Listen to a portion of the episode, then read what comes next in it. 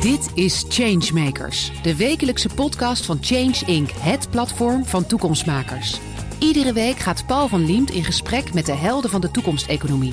Krachtige leiders uit familiebedrijven, multinationals, MKB-bedrijven, start-ups en scale-ups.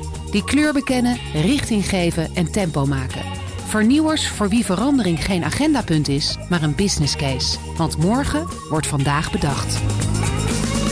Joyce van Osdeman die wil als manager Benelux van Orange Gas het autorijden op schone brandstoffen zo gemakkelijk mogelijk maken. En daarmee wil ze bijdragen aan de energietransitie en ze wil ook een betere wereld voor volgende generaties creëren. Ze wil met Orange Gas namens drie kleine landen voor een echte systeemverandering in Europa gaan zorgen. Joyce, welkom. Dankjewel, Nou, je hoort het, hè? een enorme inleiding. Nou, die slaat ook op jou terecht. Ook, hè? Belangrijke winnaar natuurlijk. En eh, OG, zo gaan jullie heten. Nog een mooiere naam.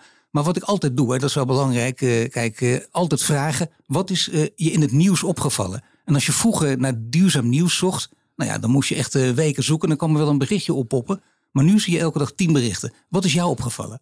Ja, Paul, ehm, inderdaad, je opent LinkedIn en de nieuwsberichten die komen op je af. Ehm, ik zit natuurlijk in de mobiliteit en je ziet dat automerken ontzettend zoekende zijn in eh, welke type auto's met welke brandstof moet ik aanbieden. En wat mij opviel afgelopen week was het rapport van Renault, waarin ze dus aangeven echt voor een bredere palet van schone voertuigen te gaan. Dus eh, waterstof, elektrisch, bio-CNG, LPG. Ehm, ja, en wat mij betreft is dat eh, heel realistisch. Dus ik ben daar heel blij mee. Ja, nee, dat is heel realistisch. Tenminste, als je een systeemverandering wil nastreven. En niet alleen maar elektrisch rijden, maar nog veel verder gaan. Heel groot, zo'n groot merk doet dat ook. Jullie met Orange Gas willen ook van alles doen, daar gaan we het zo over hebben. Jullie gaan dus OG heten. De, de kleur oranje wordt nog belangrijk, die gaan mensen herkennen. Bovendien, eh, jullie zijn professioneel, dus jij ging net op de foto. En meteen ook, hè, wat had je meegenomen? Ja, mijn grote, lange oranje hakken natuurlijk. ja, nee, inderdaad. En die heb je nu ook aan. Die, die blijven tijdens dit interview ook aan, want zo hoort het. En je weet nooit of er een foto gemaakt kan worden. Nee, ehm, we hebben altijd een snufje oranje op of aan ons lichaam. Ehm, het oranje zit echt in onze DNA. En ehm, ja, ik ben, ik ben zelf maar een klein propje. Dus met deze hakken dan, eh, dan ben ik nog even wat... Niet alleen van binnen groot, nou, maar goed, van buiten Ik ben blij dat je het zelf zegt. Nee, maar dat is, goed, nou, dat is flauw. Nee, maar waar het over gaat is, kijk, ehm, je moet niet alleen maar oranje denken. Je wil ook eh, groen gaan denken. Dat is de volgende stap. En je had het net over DNA. Is het wel handig als het in je DNA zit, hè, dat je denkt, nou, ik kan kiezen uit eh 10, 20 leuke banen. En dan laat ik maar eens wat duurzaams doen. Of was het voor jou iets wat al veel langer speelde? Wat letterlijk in jouw eigen DNA zat? Ehm, ik kom eigenlijk uit het eh, toerismebranche. Daar is eh, duurzaamheid al best wel heel lang ook een groot eh, onderdeel. Ik had ook een duurzaamheidsonderzoek gedaan voor mijn studie. Dus het duurzame heeft er wel altijd in gezeten. Ehm, ik was toen werkzaam ook nog in het zakelijk toerisme. En ik kwam de eigenaar van een bedrijf tegen in Parijs. En ehm, hoe hij over het bedrijf vertelde, hoe hij met de mensen omging en hoe hij in de wereld stond, sprak mij zo erg aan dat ik dacht: voor deze man wil ik werken. Zo, vertel even. Nee, maar dat is echt interessant. Want ik bedoel, dat is een min of meer toevallige ontmoeting. Eh, dan ben je echt eh, warm gemaakt om dit te gaan doen. Wat, wat is doorslaggevend geweest? Eh, ik was helemaal niet op zoek naar een andere baan. Ben ook niet gelijk naar Orange Gas gegaan. Alleen ehm, hij praatte over zijn werknemers alsof het zijn familie was. En ehm, de reden waarom hij dit bedrijf ook heeft, is ook om het beter te maken voor de volgende generaties. Dus tuurlijk zit er een commercieel onderdeel in. Maar dat commerciële onderdeel gebruiken we eigenlijk ook weer om te groeien en het weer beter te maken. Dus En de groei moet echt groot worden, want daar gaat het ook over. Hè? Daar gaan we straks ook uitgebreid over hebben. Je, je bent nu Benelux, maar je wil in de kleine landen beginnen... en vervolgens heel Europa gaan veroveren. Ja, we zijn eh, buiten de Benelux. Ik ben zelf verantwoordelijk voor de Benelux, maar ik heb ook al, eh, eh, we hebben ook al stations in Duitsland en Zweden. Dus we zijn al wel eh, breder Europees eh, bezet. En inderdaad, onze ambitie is ook om de grootste schone brandstofleverancier binnen Europa te worden. Ja, schone brandstoffen zijn er wel vrij veel. Eh, het, moet nog, het is bekend bij kleine groep mensen, bij een grote groep nog niet helemaal. We lezen wel de berichten over de Green Deal. We horen heel veel bedrijven die het er ook over hebben. Jij gaf zelf ook het berichten over Renault. Dus er wordt over nagedacht. Waterstof wordt ook hè, natuurlijk als een flonkerende diamant neergezet.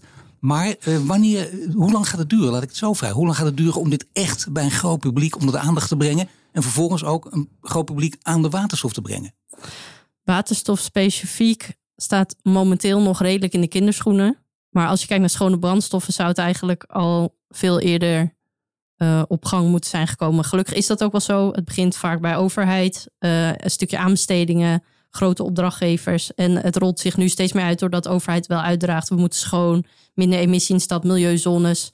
Gaan wel steeds meer mensen erover aan nadenken. Maar je ziet daarin nog wel heel erg ehm, het commerciële stuk en uh, de praktische stuk, wat soms uh, nog in de weg staat voor ondernemers. En maar wat, staat, wat staat er precies in de weg? Um, nou ja, je ziet dat de overheid heeft nu eigenlijk één antwoord. En dat is stekker elektrisch en een snufje waterstof. Zo, ja. zo komt het over op, op de ja. gemiddelde Nederlander. Um, hiermee kijken dus ook heel veel ondernemers. Oké, wat is er op elektrisch en wat is er op waterstof? Daarin kom je bij een paar facetten. Dat is of je aanschaf. Nou, daar bieden ze dan soms wat subsidies voor. Je maximaal laadvermogen hè, voor couriersdiensten je maximale actieradius en um, het aantal um, beschikbare vulpunten. Dus of uh, laders, maar zeker waterstof is daar nog uh, echt een beter netwerk in nodig. Ja, dat kun je wel zeggen. Ja. Een veel beter netwerk natuurlijk. Hè? Want die vulpunten die schijnen heel veel geld te kosten. Als je dat gaat doen. Tegen een station zegt, uh, zorg eens dat er genoeg vulpunten komen. Ga er maar eentje bouwen. Dan ben je geloof ik een paar miljoen verder, of niet? Ja, je zit al snel tussen de anderhalf en 2 miljoen als je een beetje een goed tankstation voor personenauto's en vrachtwagens wil bouwen. Wat natuurlijk wel het idee is, zodat iedereen uh, het product kan afnemen. Maar het is inderdaad duur. Ook daar zijn weer subsidietrajecten voor, maar die duren wel gewoon lang. Dus. Maar dat is het, hè? Kijk, eh, dat, dat merk ik aan alles ook bij jou. Ook eh, toen we elkaar net even spraken. Er moet tempo in zitten, weet je wel. Je wil ongeduldig, dat is ook goed. Hè? Het moet snel gaan. Dat, dat, daar gaat het ook steeds over. De energietransitie versnellen. Ja, je kunt natuurlijk moeilijk wachten op bijvoorbeeld eh, managers of ambtenaren aan de andere kant die aan het afvinken zijn, die naar de Excel-sheetjes kijken. Nee, je wilt natuurlijk mensen hebben. Misschien heeft jouw baas in Parijs ook meteen aan jou gedacht. Je wilt mensen hebben die ook niet alleen voor de eigen hachje zitten, maar iets meer durven. Hoe kun je het voor elkaar krijgen in jullie bedrijf? Um, intern of extern? Bedoel je overheid? Of, um, ja, kijk, in de overheid, wat wij doen is natuurlijk zoveel mogelijk lobbyen. Um, via het waterstofplatform bijvoorbeeld proberen we ook met andere aanbieders samen te werken om meer uniformiteit in bepaalde processen te krijgen, zoals vergunningen en input voor nieuwe subsidierondes. Dus dat is wat wij kunnen doen. Kijk, en intern hebben wij hele korte lijnen. Wij kunnen op het moment dat ik gewoon aangeef, ik wil hier een waterstoftankstation en dit is de potentie en technisch heb ik het afgestemd met mijn technische afdeling dat dat kan. En ik heb een idee hoe ik financiering rond ga krijgen. Dan zegt, zegt de eigenaar van het bedrijf, Marcel Borgen, zegt veel plezier ermee. Ik hoor al hoe het afloopt. Nee, maar dat is heel goed. Ja, maar dat, dat is fantastisch. Hè. Dat geeft je dus enorme verantwoordelijkheid. Daar kies je dan je mensen ook op. Dat is heel mooi. Als ik jou hoor, dan uh, dat durf je ook, hè, volgens mij. Je gaat er niet heel bang en verlegen in. Je zegt, ik, ik, heb gekozen, ik durf dit, ik doe het ook. Dan mag je dus ook fouten maken, of niet? Ja, tuurlijk. Een mens maakt fouten. Niemand is, uh, is van staal.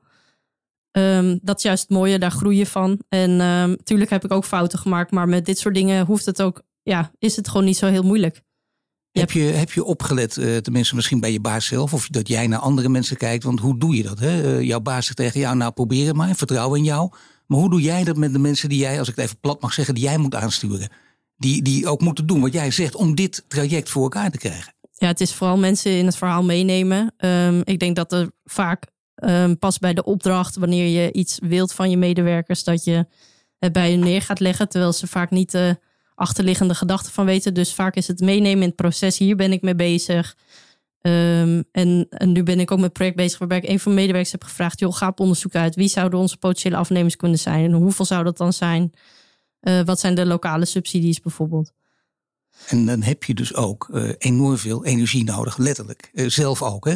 Klopt. ik, ik keek even op je LinkedIn-pagina en ik zag dat je daar iets gedaan had. Hè? Ik hoor dat je ook aan voetbal doet, op, op een redelijk niveau. Je bent een voetballer, welke plek speel je? Ik ben rechtsback. Het, het niveau is amateur, maar uh, wel fanatiek, zeg maar. en inderdaad, ik ben ook um, ik ben wel sportief, want ik heb net een hike gelopen, de Dutch Mountain Trail van meer dan 100 Zo. kilometer, zeven bergen in vier dagen. dus ehm, daarin word je ook weer echt geconfronteerd met, met de natuur die we hebben hier in Nederland. En wederom het besef hoe, hoe waardevol dat is en hoe goed we daarmee om moeten gaan. Nou ja, dat vind ik wel mooi aan jouw eh, uiting op social media. Dat je heel veel nadruk ook op uh, natuur legt. Hè? Dus niet alleen maar, en dat blijkt ook uit dit verhaal. Het is niet zomaar een verhaaltje dat je denkt, nou wel een leuke baan, laat ik het maar eens proberen. Nee, je luistert goed naar die baas, hoe je met mensen omgaat, wat zijn plannen zijn, grote ambities. En uh, de natuur speelt een grote rol. Ja, ja, en de volgende generatie natuurlijk, hoe cliché het ook is. Heel veel mensen hebben natuurlijk kinderen. Dan denk je van ja, we, kijken, we zijn natuurlijk heel erg, wij zijn hele praktische mensen. Wij, wij houden dat alles tastbaar is alles bewezen is. Dat, Eh, dus ja, zo zitten wij in elkaar. Dus het is ook wel een bepaalde geloof slash gevoel en belang wat je moet hebben voor de volgende generatie. En het is natuurlijk bewezen dat, het, dat, het, dat we iets moeten doen om de wereld uh, duurzaam hey, te George, maar goed dat jij naar de vorige generatie kijkt. Want je bent als voetballer, vertelde jij me net uh, toen we begonnen, je speelt op een rechtsbackplaats. Je kan nog steeds flink rennen. Maar je bent als voetballer al behoorlijk oud. Maar om naar een volgende generatie te kijken, ben je volgens mij nog vrij jong. Want wat is je leeftijd? Um, ik ben bijna 30. ja, Nee, dat is heel mooi. Ja, heel oud. Ja, bijna 30. Ja. Nee, maar goed, dat is inderdaad als voetballer dus uh, op bepaalde leeftijd. Dan moet je gaan oppassen met snelle sprintjes. Ja. Maar om naar een volgende generatie te kijken. Het is altijd ver vooruitkijken. Daar hebben mensen vaak moeite mee ook. Hè, in, om in dit verhaal meegenomen te worden. Uh, kun jij mensen bij Orange Gas vertellen, nou luister eventjes, uh, ik ben nu bijna 30. Als ik bijna 35 ben, dan hebben we enorme stappen gezet. Dan hebben we heel Europa veroverd. Of gaat dat te hard? Um, nou, ik zeg nooit nooit. We zijn wel met heel veel mooie dingen bezig. Dat ik denk, het zou zomaar heel gek allemaal kunnen gaan lopen. Maar vertel, dat willen we weten. Welke dingen? Um, nou, we zijn bezig met een, uh, in ieder geval als je het lokaal kijkt in Nederland, echt met een heel groot uitrol van waterstofstations. Uh, um, maar ook internationaal met. Uh, zit ook een stukje in de productie. Dus we willen lokaal onze eigen schone brandstoffen produceren. Daar hebben we ook een ontwikkeling in dat we echt van groene stroom, wat, wat restant eigenlijk is, dus wat, wat op dat moment overbelasting voor net is, dat gebruiken voor groene waterstofproductie in Nederland, dat we dat ook weer in ons, voor ons tankstations kunnen gaan gebruiken. Ja, dus, um, maar ook in Europa hebben we gewoon op, op dit moment eigenlijk bijna geen land niet aangeraakt waar kansen liggen. Dus dat... Nou ja, ik snap het, hè, maar die, het gaat erom dat het ook, je moet het dan ook doen. En die landen moeten dat ook willen. Ja, je hebt de Benelux, je noemde net nog twee landen erbij. Dat is dan heel concreet, maar de rest om die mee te pakken dan zal er toch nog iets moeten gebeuren. En ik denk altijd, als ik goed luister, dat heb jij waarschijnlijk ook, uh, en dan mensen om je heen die, die vergelijken dan Amerika met Europa. Die zeggen, kijk nou eens naar Europa, daar kun je netwerken. Dat kunnen wij veel beter dan die Amerikanen. Uh, als ik het plat mag zeggen, ook weer, daar kun je zo pakken, de Amerikanen. En, en als jullie gaan netwerken, gaan verbinden, met wie moet je samenwerken? Wij werken zelf samen ook. Eigenlijk is het wel grappig, want wij werken heel veel samen met tankstationhouders, die natuurlijk veel fossiele brandstoffen uh, aanbieden. Dus in dat opzicht zou je kunnen zeggen, wij zijn concurrent. Maar juist willen zij ook heel graag samenwerken. En omdat zij geloven er wel in, maar zij hebben natuurlijk ook gewoon nog een hele andere grote verantwoordelijkheid met alles wat er op een tankstation gebeurt. Um, en als je ook naar andere landen kijkt, hebben wij ook partners die bijvoorbeeld al schone brandstof aanbieden. Eh, waar wij niet per se tussen hoeven te zitten, maar waar je ook kan zeggen, hoe kunnen wij samen voor dat netwerk gaan creëren? En we, we zitten daarin iets minder in onze eigen op onze eigen eiland van, oh, wij moeten het allemaal doen. Dat, dat hebben wij niet. Wij willen gewoon dat het goed voor dat iedereen goed bereikbaar is. En als het in Den Helder goed genoeg bezet is, dan gaan wij wel naar Haarlem. Nee, natuurlijk. Nee, zeker. Maar vervolgens uh, wil je dus heel Europa gaan veroveren. Je zegt vijf jaar. Ik bedoel, ik geef toe, dat is extreem sneller als je dat voor elkaar zou kunnen krijgen. Maar als je een paar grote stappen hebt gezet, is het heel wat. En je wil vaak toch ook tegen, om mensen mee te nemen, roepen. Kijk even, dit gaat gebeuren. Dit kan echt in Europa. Want als je het nu zegt, als ik ook met vrienden van mij over praat, die bijvoorbeeld redelijk op de hoogte zijn en wel iets van weten, die zeggen: nee, waterstof, dat gaat echt niet lukken hoor. Kom op, hé, tien jaar allemaal waterstofauto's. En jij denkt, dat kan wel degelijk. Um, nou, eigenlijk staan wij er iets anders in. Wij hebben juist een breed palet aan schone brandstoffen. Dus ook uh, bio-CNG, H400, uh, de snelladers, waterstof. Uh, nee, natuurlijk het hele pakket. Bio, Bio-LNG. En juist omdat wij richten ons natuurlijk op de toekomst. En daar spelen we op in. Per Europees land is de wet en regelgeving anders en is de behoefte ook anders. Um, wat leuk is om te weten, bio-CG is Italië wat meer voor de mensen die wat minder centjes op de bankrekening hebben. Uh, dus daar, uh, ja, Dat, dat, dat, ziet de wereld weer heel anders uit als hier. Um, ja, wij zeggen juist van kijk naar vandaag. Weet je, start vandaag. V vandaag heb je al in, zeker in Nederland ook gewoon zo'n goed netwerk van stations. En voor iedere type rijder is er wel een schone brandstof. En of dat nou waterstof is, of het is bio-CNG, eh, dat is allemaal goed. Als je maar niet blijft wachten totdat het sterk elektrisch kan, omdat de overheid denkt dat dat de enige oplossing is. Nee, dat is heel gevaarlijk inderdaad. Hè. Dat, daar valt nog wel wat lobbywerk te verrichten, maar daar zijn jullie dus ook al uh, heel actief in. Maar het gaat natuurlijk om het hele palet. Waterstof is één van de mogelijkheden, maar wel een belangrijke, denk ik, of niet? Uh, wij denken van wel, daarom investeren wij er nu veel in. Um, het is natuurlijk zero-emissie aan de, aan de uitlaat, waar, wat de overheid ook belangrijk vindt. Um, je kan het snel tanken. Het is heel makkelijk om te tanken. Ik rijd zelf ook op waterstof. Oh, je bent hier ook eh, met de auto op waterstof naartoe gekomen? Uh, ja, zeker. Ja, Kijk, met die, uh, met voor die... lange afstanden is het ook heel prettig. Ja, ja goede actieraden, snel tanken. Dus eigenlijk voor mensen houden, ergens houden wij ook niet van veranderen. Hè? Dus we willen liefst blijven doen wat we gewend zijn. En da daarin lijkt waterstof is, het, is dan een... Uh, is het dan een heel makkelijke oplossing. Waarin laden natuurlijk vaak al mensen denken: oh jeetje, laden duurt langer, weet je wel. Dus het gaat heel snel dit, hè? Ja, dit, dit gaat super snel, ja. Ja, en nou nog op veel plekken. Ja. Dat zou enorm helpen. En dan de volgende stap altijd, dat zeg je ook vaak tenminste, als ik ook jouw social media een beetje bekijk. Uh, wij kiezen altijd voor gemakkelijk en we kiezen altijd voor goedkoop. En, en logisch ook wel. Maar dat moet ook iets in de hoofden om van mensen om dit voor elkaar te krijgen. Wat kun je mensen beloven die hier de overstap maken? Dat wij. Um, ja, er gaat, er gaat iets in veranderen. In, in de Europese overheid zijn ze nu in, uh, komt er in juni een uitsluitsel in hoeverre ze biobrandstof gaan omarmen mede afhankelijk daarvan, um, ja, moet je nu wel. Uh, diesel of benzine kan eigenlijk niet meer. Nee, dus uh, samen, wat, samenwerken met, met Shell bijvoorbeeld, is dan, behoort dan niet tot de mogelijkheden? Of zou dat juist wel goed kunnen? Om, om, bijna, om hem bijna te dwingen ook mee te doen aan die volgende stap? Nou, ergens um, doen zij al mee, want zij hebben natuurlijk ook, uh, zij kiezen ook voor bepaalde schonere alternatieven. Um, dus ergens doen ze natuurlijk al mee aan die verandering en zien ze dat ook. En als je op hun kijkt op hun social media, hebben ze het natuurlijk alleen maar over duurzame wat ze doen en niet over al het andere wat ze doen. Nee, de grote baas van Beurden zegt ook in interviews gewoon, ja, Shell lijkt wel een NGO. Nou, daar wordt er wel hard gelachen natuurlijk, want zo, zo is het ook. En niet als een te mooi verhaal. Maar samenwerken met Shell vind je dus, laten we zeggen, een noodzakelijke tussenstap of niet? Nou, voor mij, het, nou, ik weet niet of het noodzakelijk is. Kijk, uh, Shell is een, een grote, uh, grote partij. Dus als zij zouden willen, zouden zij natuurlijk al heel veel grote stappen kunnen maken. Um, dus ja, is het samenwerken. Zij, zij, zij gaan ook mee. Dus in dat opzicht werk je misschien al samen voor een uh, schonere, meer schoner aanbod voor de, voor de bereiders. Nou, in ieder geval wat jullie doen is, uh, je bent een, retailer, mag je zeggen, die het hele pakket aanbiedt. Op één na, hè? één ding uh, maken jullie zelf. Um, ja, we... Uit rioolwater zo, volgens mij ook nog. Klopt, dat is het bio-CNG. Dat wordt echt hier in Nederland gemaakt uit rioolwaterzuivering en, en afval. Dus dat is normaal, uh, ja, heel grof gezegd, je rijdt op je eigen scheid. ja. um, dus ja, ja, dat is makkelijk te onthouden inderdaad. Eigenlijk uh, bij deze de oproep naar iedereen uh, die luistert. Als jij een grote beurt heeft gedaan, dan heb je een bijdrage geleverd aan het schone product bio-CNG. Ja. Dus ehm, de stand-up proud, zou ik zeggen. En um, ja, en dat is, dat is bijvoorbeeld ook echt voor particulieren een heel interessant product. Maar omdat er dus zo weinig over gesproken wordt, uh, nog onbekend. Ja, toch is het gek, hè? Ik bedoel, dat, jij kent die wereld eigenlijk beter dan ik. Dus je, je kunt een beetje het overzicht hebben. Je praat er dan natuurlijk ook met mensen nog meer over. Hoe komt dat, dat dat nog onbekend is? Nou ja, iedereen kent inmiddels elektrisch rijden. En ja. dat heeft wederom toch overheid ook heel erg in de hand. Um, die stuurt daarop. Die zegt van dit is, dit is wat we moeten gaan doen.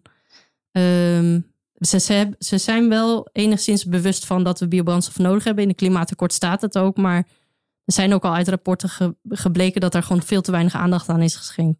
Want bijvoorbeeld bio-CG is gewoon goedkoper aan de pomp en die auto's zijn niet duurder. Dus het is eigenlijk een no-brainer om daarop te rijden. Maar heeft het ermee te maken dat dan veel ambtenaren natuurlijk ook uh, vastzitten in ik mag geen fout maken en ik moet gewoon, uh, nou toch maar even clichématig naar mijn Excel-sheetje kijken en, en afvinken en heb ik het tenminste goed gedaan?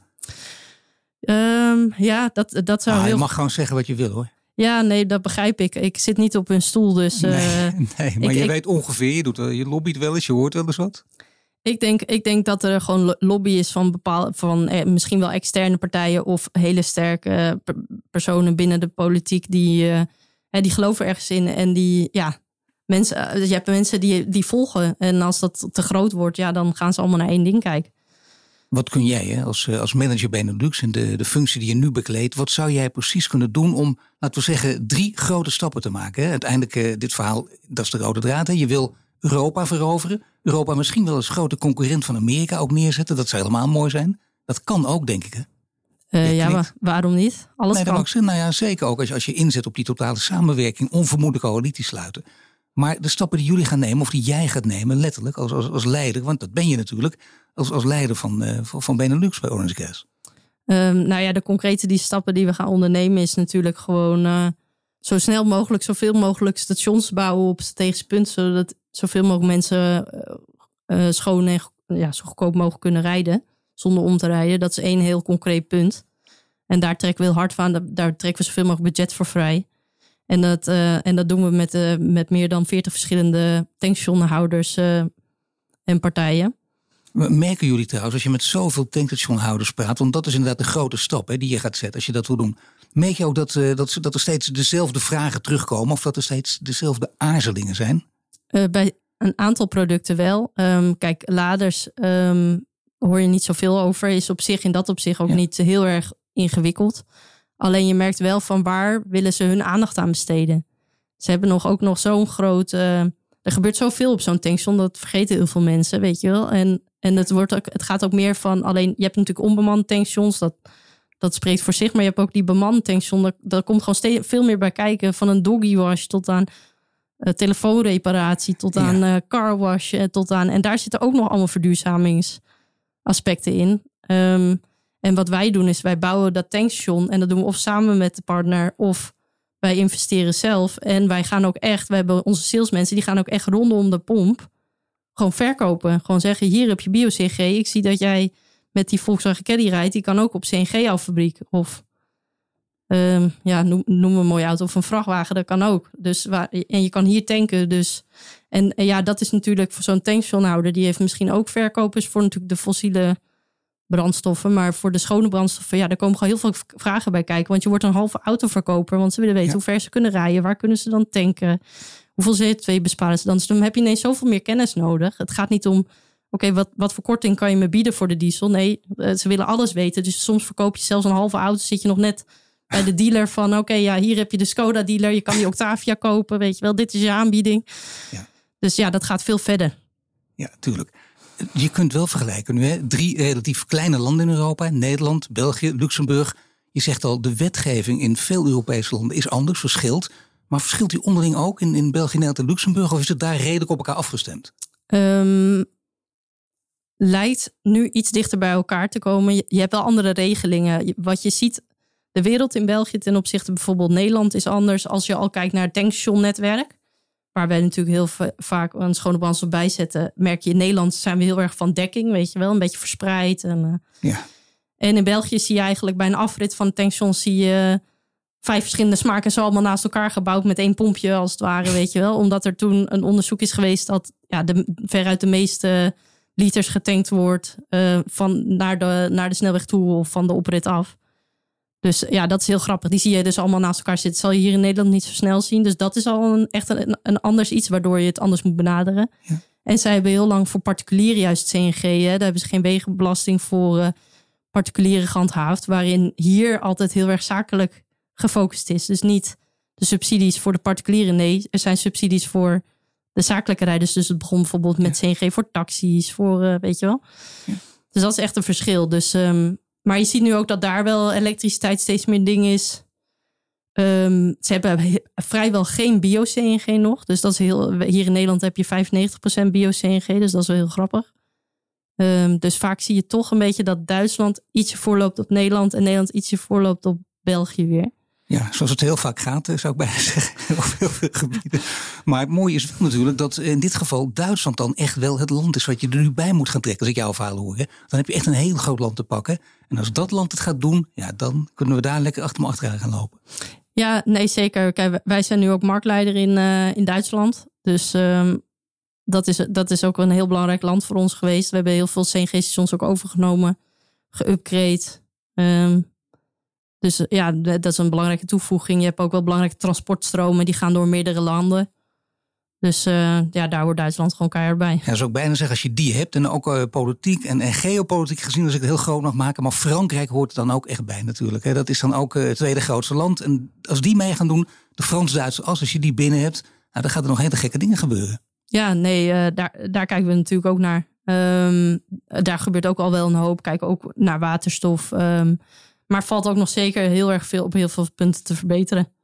Nu is het misschien een lastige vraag die ik je ga stellen. Maar je hebt hier veel gesproken over, over de bedrijven, de commerciële kant. En ook veel over de overheidskant. En ze moeten samenwerken. Dat kan niet anders. Dat blijkt in alle verhalen die jij vertelt. Alle changemakers hebben daarmee te maken. Maar toch, in dit geval kun je iets heel groots doen. Hè? Het gaat er niet om, bij jou ook niet van. We gaan een paar leuke veranderingen doen. Al helemaal niet op de winkel letten. Nee, je gaat echt een systeemverandering tot stand brengen. En als je dat wil, dan denk ik dat jullie, en misschien jij mag hem inkoppen, of, of, uh, of ja, je kan voetballen, dus ook anders mee doen. Je zegt, ik, ga, ik, ik kop hem in, dat klopt. Wij lopen vooruit op de overheid, die hebben stappen te zetten. Of is het net andersom? Um, wij zijn heel actief in de lobby natuurlijk naar de overheid. Um, je merkt wel dat heel veel partijen, ondernemers zijn het met ons eens. We, staan er, we weten wat meer. Kijk, een afvalinzamelaar in Amsterdam is niet vergelijkbaar met een afvalinzamelaar in Zeeland. Dus we proberen het altijd van. We houden van regels, weet je. We proberen alles over één kam te scheren. Oh, die afvalinzamelaar kan elektrisch, dus in die andere omgeving kan het ook wel. Ja. Um, kijk, en, en ik zou één oproep willen doen. En dat is gewoon van begin eigenlijk heel simpel met uh, de fossiele brandstoffen. Als je milieuzonde doen, ja, begin dan met de fossiele brandstoffen te weren. Weet je, ga niet gelijk, alles moet elektrisch. Um, ik denk dat dat eigenlijk niet zo'n hele moeilijke stap zou moeten zijn. Nee, dat is, nee, dat is heel verschrikkelijk voor jou gezegd. Maar het is echt toch wel de boodschap aan de overheid om hier even over na te denken. Omdat de overheid natuurlijk met die subsidies enorm dwingende invloed kan uitoefenen. En ook uitoefent. Ja, en het grappige is, met sommige producten heb je dus helemaal geen subsidie nodig. Ik heb, ik heb heel veel klanten op H400, maar je kan in een bestaande diesel H400 tanken. Dus ja, hoe, hoe meet je dat dan van de buitenkant? Dus heb je met een milieuzone te maken, hoe ga je daar dan mee om? Dus daar, daar, moet, daar moet over nagedacht worden. Maar ook met bio-CNG is al goedkoop. Ik heb geen subsidie nodig. Ik heb het hier voor je. Het kost je geen geld en je wilt het eigenlijk niet hebben. Zo'n gevoel geeft het wel. Ja. En als er niet over gesproken wordt, of in ieder geval niet gezegd wordt: dit is ook een schone oplossing. En een mooi voorbeeld, bijvoorbeeld taxistandplaat in Amsterdam was een tijdje uh, bio-CNG goed en elektrisch. En ze hebben heel snel gezegd, alles moet elektrisch. Dus je geeft eigenlijk een soort boodschap af dat bio-CNG niet goed genoeg is. Terwijl dat is wel to wheel naar de hele keten een van de duurzaamste brandstoffen. En in de tijd waar we nu in zitten, denk ik, uh, dat moet je niet doen. Nee, je moet, uh, laat ik het zo zeggen, je moet een goede keuze maken. Ja. Daar komt hier op neer. Joyce, en natuurlijk heel belangrijk, wil ik graag mee afsluiten, hè, de vraag vanuit onze community is deze geworden. Wat is de grootste uitdaging waar we voor staan in het verduurzamen van de mobiliteit? Ja, naar mijn mening is het echt loslaten van oude gewoontes. Um, ik heb het al eerder genoemd, wij vinden veranderen soms uh, gewoon lastig en dat is niet erg. Um, maar dat betekent dus dat je uh, één moet kijken van he, heb ik die auto nodig? kan dit slimmer? je ziet al deelconcepten, OV-concepten. Uh, kan ik niet eigenlijk beter gaan fietsen? Uh, dat zijn allemaal veranderingen waar je naar kan kijken. Dus het loslaten van gewoon, oh, ik heb een auto, die is op, uh, ik ga weer een auto kopen. Eigenlijk denken we er geen eens meer over na. Het is gewoon vanzelfsprekend. En dat oh, moeten we eigenlijk wel doen. En bovendien, het grote voordeel van dit verhaal, je hebt zelf het goede voorbeeld gegeven. Ja, in ieder geval, um, het is natuurlijk zo, als je dan wel naar een nieuwe auto kijkt, um, is die echt nodig? Ja, want goede redenen voor. Oké, okay, best. Um, nou, ga ik dan benzine? Weet je, rijden veel of minder kilometers? Nou, ga ik voor benzine of diesel? Nee, je gaat niet meer voor benzine of diesel. We gaan voor CNG, waterstof, elektrisch. Dat is eigenlijk uh, de verandering die we moeten maken. En ik denk dat daar de grootste uitdaging in zit. Dat iedereen daarin meebeweegt op een positieve manier. Oké, okay, Joyce, ik dank jou hartelijk uh, voor dit gesprek. En uh, u luistert naar een podcast van Change Inc. En die is tuurlijk mede mogelijk gemaakt door onze partner Ebbingen. En ik zou zeggen, tot de volgende keer. Dankjewel. Ja, dankjewel. Bedankt voor het luisteren naar de Changemakers podcast. Een productie van Change Inc. gepresenteerd door Paul van Liemt. Wil je dat meer mensen geïnspireerd worden? Deel de podcast dan op sociale media. De Changemakers podcast is tot stand gekomen in samenwerking met onze partner Ebbingen. Ebbingen kent, verbindt en ontwikkelt de leiders van de toekomst. Wil je meer afleveringen luisteren? Abonneer je dan nu via je Spotify, Apple Podcast of je favoriete podcast-app en krijg een melding wanneer er een nieuwe aflevering online staat.